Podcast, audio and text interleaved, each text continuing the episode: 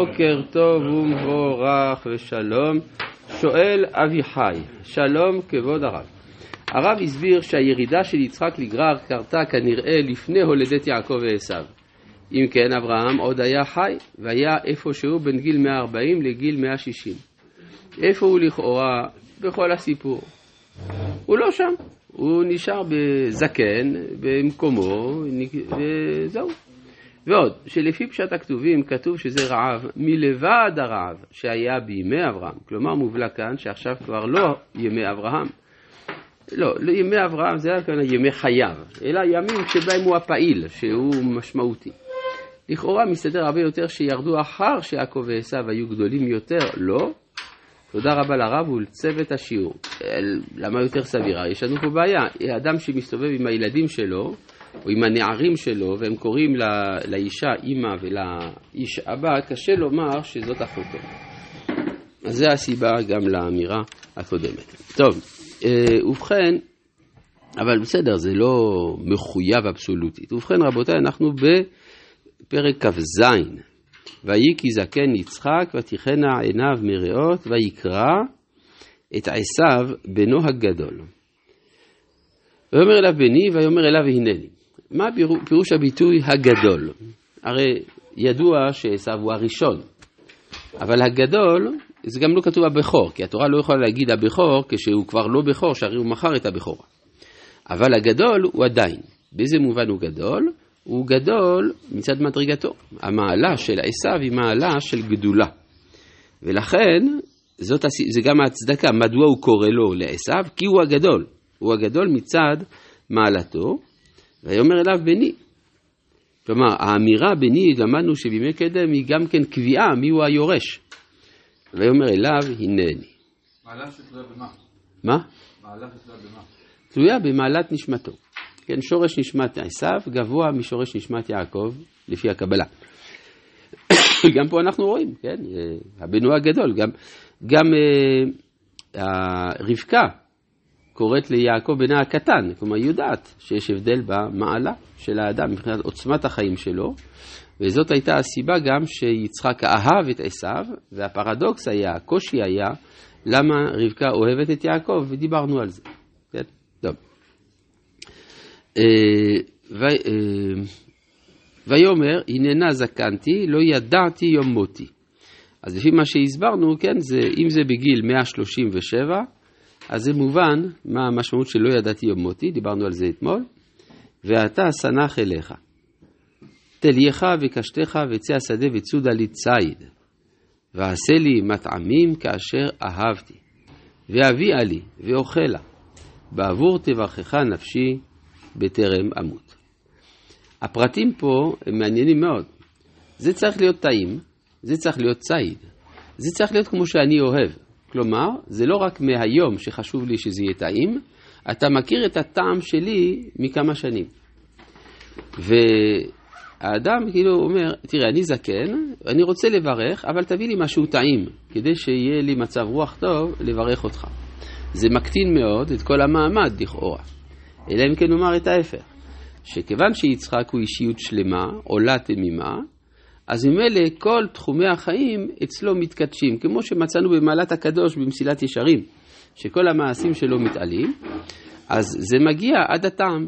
הוא אדם שיש לו עולם של חושים מאוד מפותח, אמנם יש לו חוש אחד שלא כל כך עובד, זה חוש הראייה, אבל כל השאר, המישוש, הריח, הטעם, כל הדברים, האוזניים, השמיעה, כל אלה מפותחים אצלו במיוחד.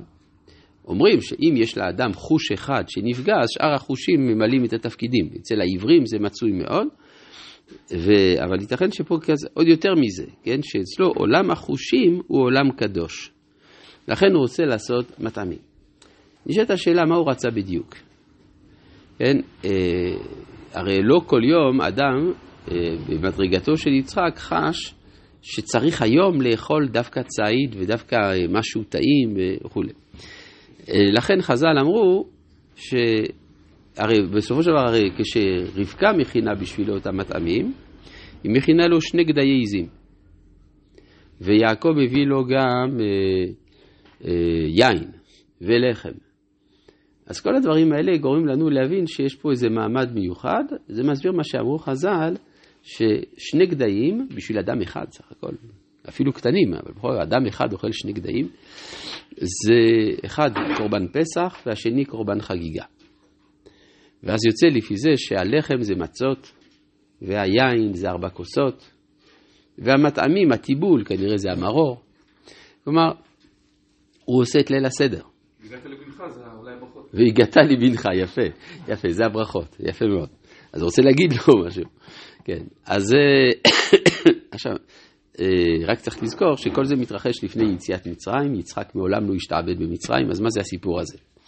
אנחנו מבינים שיש לתאריכים סגולה משלהם. זאת אומרת, לא המאורע קבע את הערך של התאריך, אלא התאריך הוא מסוגל למאורע. זאת אומרת שבאופן אינטואיטיבי מרגישים באותו לילה שזה זמן שבו צריך להקריב קורבן. גם אם לא יודעים בדיוק, ולאכול את הקורבן, גם אם לא יודעים בדיוק מה זה אומר. עכשיו הדבר הזה הוא מעניין כי אצל אה, חוקרי המקרא טוענים שהמקור של קורבן פסח זה איזה קורבן שהיו מקריבים רועי הצאן בזמן ההמלטה. באביב יש המלטת הצאן, זה הזמן לעשות איזשהו קורבן. ורק הם לא ידעו שהם כיוונו לאמת. כן, כיוונו, הרי עם ישראל יוצא ממצרים, זה המלטת הצאן, לבוא לקחת לו גוי מקרב גוי. מתי מוצאים מישהו מקרבו של מישהו? ושא פזורה ישראל. אז אם כך, מובן מאליו שכשהקדוש ברוך הוא מוציא את ישראל ממצרים, הוא מוציא אותם בדיוק בזמן שבו רועי הצאן עושים קורבן להמלטת הצאן. ואז זה פתאום מקבל ערך לאומי. אז זה מתחיל אצל יצחק, יש האינטואיציה של קורבן פסח, וזה ממשיך אחר כך במהלך הדורות. כך שלא תמיד צריך להילחם בדעות של מבקרי המקרא, צריך פשוט למצוא את שורשם, ואז ממילא הן מתעלות. אה, ובעבור תברך נפשי בטרם אמות, ורבקה שומעת. בדבר יצחק אל עשיו בנו. אז חז"ל אומרים, שומעת, זה כוונה ברוח הקודש.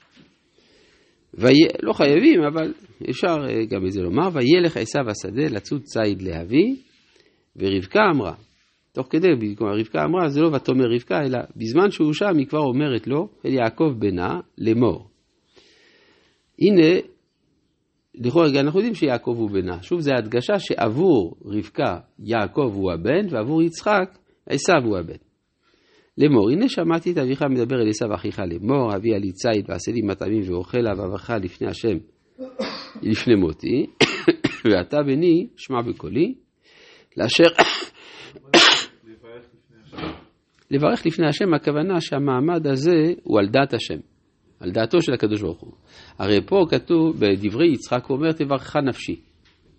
כן, אבל היא מבררת, כיוון שהוא אצלו, כל דבר שהוא אומר זה בשם השם, לכן לא צריך לבד, לבד, לברר את זה. כמו שהנשבע, סתם שבועה היא בשם השם, אם לא אומרים שם השם.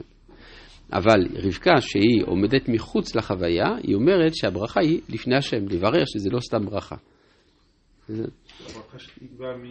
כן, ממילא, מי, מי הוא הנושא שם שמיים בהיסטוריה, מי, ה, מי הממשיך. ואתה בני שמע בקולי, לאשר אני מצווה אותה, לכאורה יש לנו כלל, אם האב או האם מצווים לעשות עבירה, לא עושים, לא שומעים, נכון? אף על פי שיש כיבוד אב ואם, אבל יש אה, מצווה, אבל אה, כיוון שהקדוש ברוך הוא חשוב יותר מאבא ואימא, אם הקדוש ברוך הוא אמר לי לא לעשות משהו, ההורים שלי לא יכולים להגיד לי לעשות, אפילו איסור דה רבנן. ופה היא אומרת, שמע בקולי לאשר אני, אני מצווה אותך, לכן מוכרחים לומר שהיא אומרת לו זה ברוח הקודש, בקולי, כמו שכל אשר תאמר לך שרה שמע בקולה, כל רוח הקודש שבה.